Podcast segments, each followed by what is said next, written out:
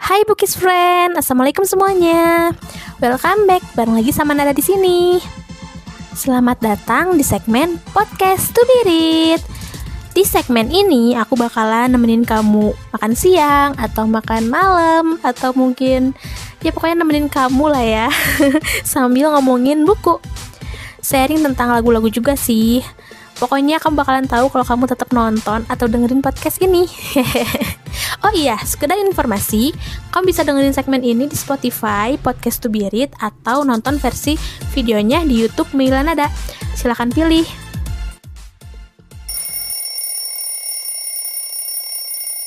Bareng lagi sama Nada di Podcast to Be Read.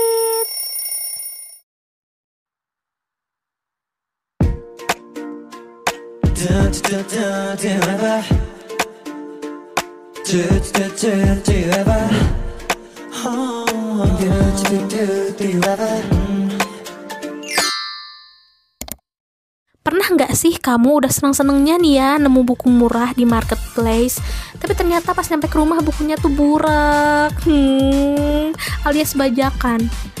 Sedih banget pasti. Lebih sedih daripada dianggap sekedar teman curhat aja. Hmm? Aku sendiri pernah punya pengalaman nih sama yang bajakan-bajakan gitu ini sekalian pengakuan dosa juga. Jadi waktu itu aku masih SMP. Aku pernah download buku bajakan di Google kayak aku searching uh, surat kecil untuk Tuhan PDF kayak gitu loh.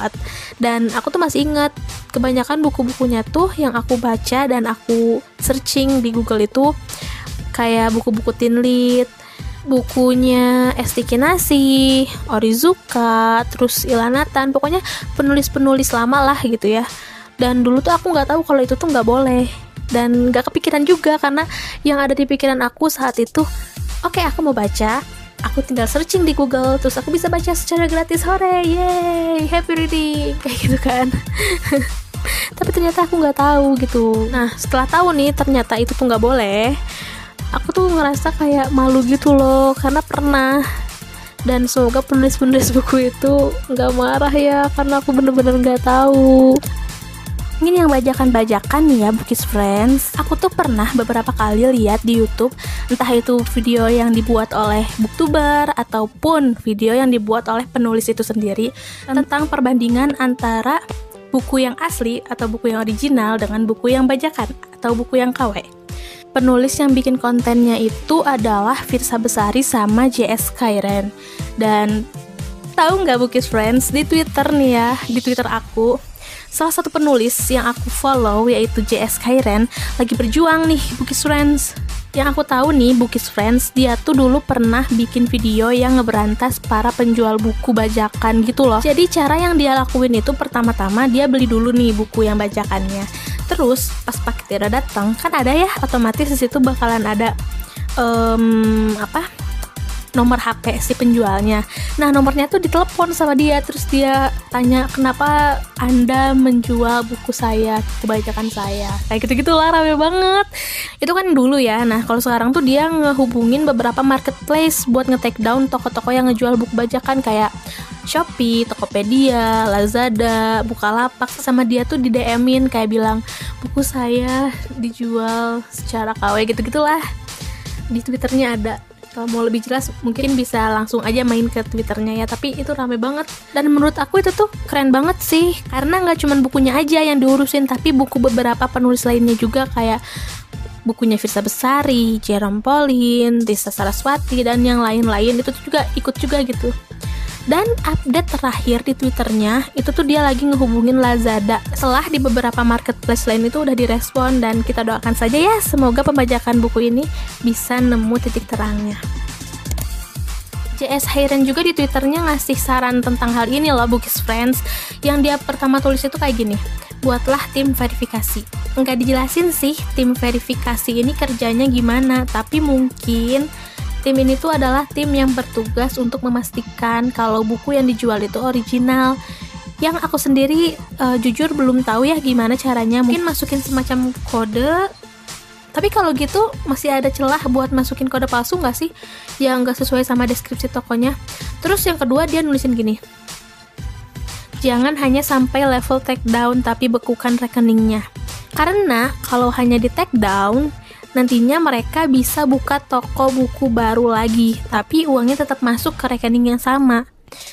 Um, menurut aku saran yang kedua ini juga masih ada celah ya, soalnya penjual bisa bikin beberapa rekening tabungan di bank yang berbeda. Walaupun ya niat banget sih. terus terus terus yang ketiga nih masih ada ya katanya tuh gini kerja sama dengan penerbit untuk mencari solusi aku pribadi belum bisa sih ngasih solusi selain ngetin diri sendiri dan orang-orang terdekat aku untuk nggak beli bajakan ataupun jual ataupun juga download buku bajakan.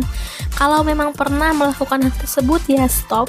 Jangan dilakuin lagi karena itu memang merugikan banyak orang. Dan aku baru sadar itu oh I'm so sorry Sebenarnya nih ya Bukis Friends di marketplace juga banyak kok yang jual buku original. Kalau masih ragu bisa langsung beli ke toko penerbit yang ada di marketplace kayak contoh nih penerbit Gramedia atau penerbit Haru Group, penerbit Mizan dan lain-lain. Oh iya Bukis Friends sedikit TMI. Aku tuh pernah jadi reseller dari beberapa penerbit dan for your information aja, penerbit tuh udah matokin harga khusus gitu loh buat buku-bukunya kayak gimana. Jadi misal kalau lagi ada pre-order buku baru, penerbit tuh udah matokin harus dijual dengan diskon 20% nih.